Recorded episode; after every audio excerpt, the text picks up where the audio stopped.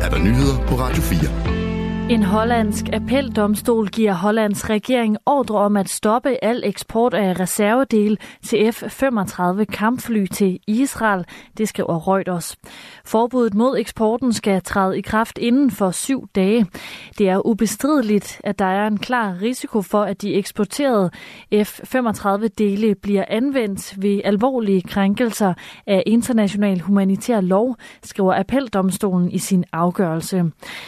En domstol i den hollandske by Haag afgjorde ellers i december, at Holland kunne fortsætte sin eksport af reservedele til israelske kampfly. Sagen her var rejst en række menneskerettighedsgrupper. Statsminister Mette Frederiksen er med senere i dag, når det første spadestik skal tages til en ny ammunitionsfabrik i Tyskland. Det fremgår i kansler Olaf Scholzes officielle kalender. Statsministeriet har ikke oplyst noget om rejsen, derfor er det endnu uvist, hvad formålet med Mette Frederiksens deltagelse i ceremonien er. Ifølge Scholz's kalender så står der, at der er tale om et symbolsk spadestik til et fabriksanlæg ved byen Unterlys, der ligger mellem Hamburg og Hannover. Den kommende fabrik ejes af våbenvirksomheden Rheinmetall, som i forvejen har en våbenproduktion et andet sted i Tyskland. Danmark, Tyskland og resten af Europa arbejder dog målrettet på at øge produktionen af ammunition for at kunne levere til Ukraine, som har svært ved at skaffe de nødvendige mængder i krigen mod Rusland. Fire af de 13 danskere, der i sidste uge var involveret i en alvorlig trafikulykke i Thailand, er klar til at rejse hjem. Det fortæller Sune Vibits, der er landeschef for Falk Global Assistance til Ritzau. De er udskrevet fra hospitalet og har givet udtryk for, at de gerne vil hjem, siger han. Sune Vibits forventer, at de resterende ni danskere kan følge ret hurtigt efter. De 13 danskere, der er mellem 19 og 25 år, var på vej i en minibus fra Chiang Mai i det nordlige Thailand til byen Pai. Undervejs på den bjergrige strækning kørte chaufføren af ukendte årsager af vejen, og bussen røg ned i en kløft. Chaufføren blev dræbt i forbindelse med ulykken, og nogle af danskerne blev alvorligt kvæstet. Danskerne har aldrig nogensinde været så trætte som nu. Det viser rapporten Den Nationale Sundhedsprofil, som Sundhedsstyrelsen står bag.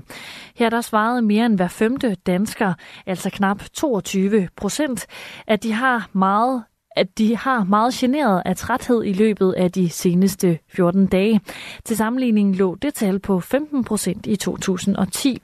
Søvnvejleder Michael Rasmussen, som også er forfatter og foredragsholder om søvn, mener, at det er en rigtig dårlig udvikling. Vi må konstatere, at øh, siden Danmark har mål på det her siden 2010, der er det gået ned ad bakke. Og vi ved jo, at det har det gjort de sidste par årtier. Så, øh, så så mange mennesker sover for lidt og for dårligt. Øh, det er altså rigtig skidt, og det er øh, ja, hvad skal man sige, nærmest en platform, man kan ligge for ekstra antal livsstilssygdomme osv. senere hen. Så det skal vi se at få gjort noget ved.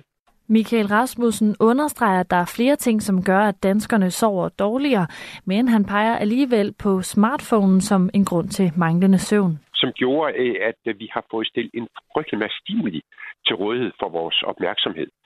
Øh, og vi ved fra masser masse undersøgelser, øh, at langt de fleste af os, det sidste vi gør, inden vi går i seng, det er at kigge på en skærm. Og det betyder, at de fleste af os kommer for sent i seng. Vi får for lidt søvn, og det går ud over vores kvalitetssøvn også. Skatteminister Jeppe Brugs erkender, at der var for mange fejl i de ejendomsvurderinger, som i september blev gjort tilgængelige for boligejerne. Det siger han i et interview med Berlingske. Ministeren fortæller, at han var klar over, at der lå en kæmpe opgave i at implementere et nyt boligskattesystem og et nyt vurderingssystem, da han overtog skatteministerposten i februar 2022.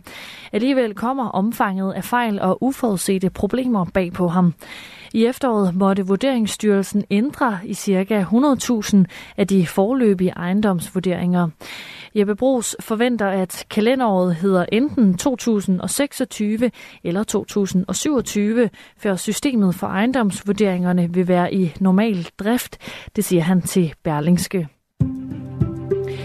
Overskyet vejr med udbredt regn, slud eller sne. Temperatur mellem frysepunktet og op til 7 graders varme og en svag til jævn vind. Det var nyhederne på Radio 4 med Sofie Lev.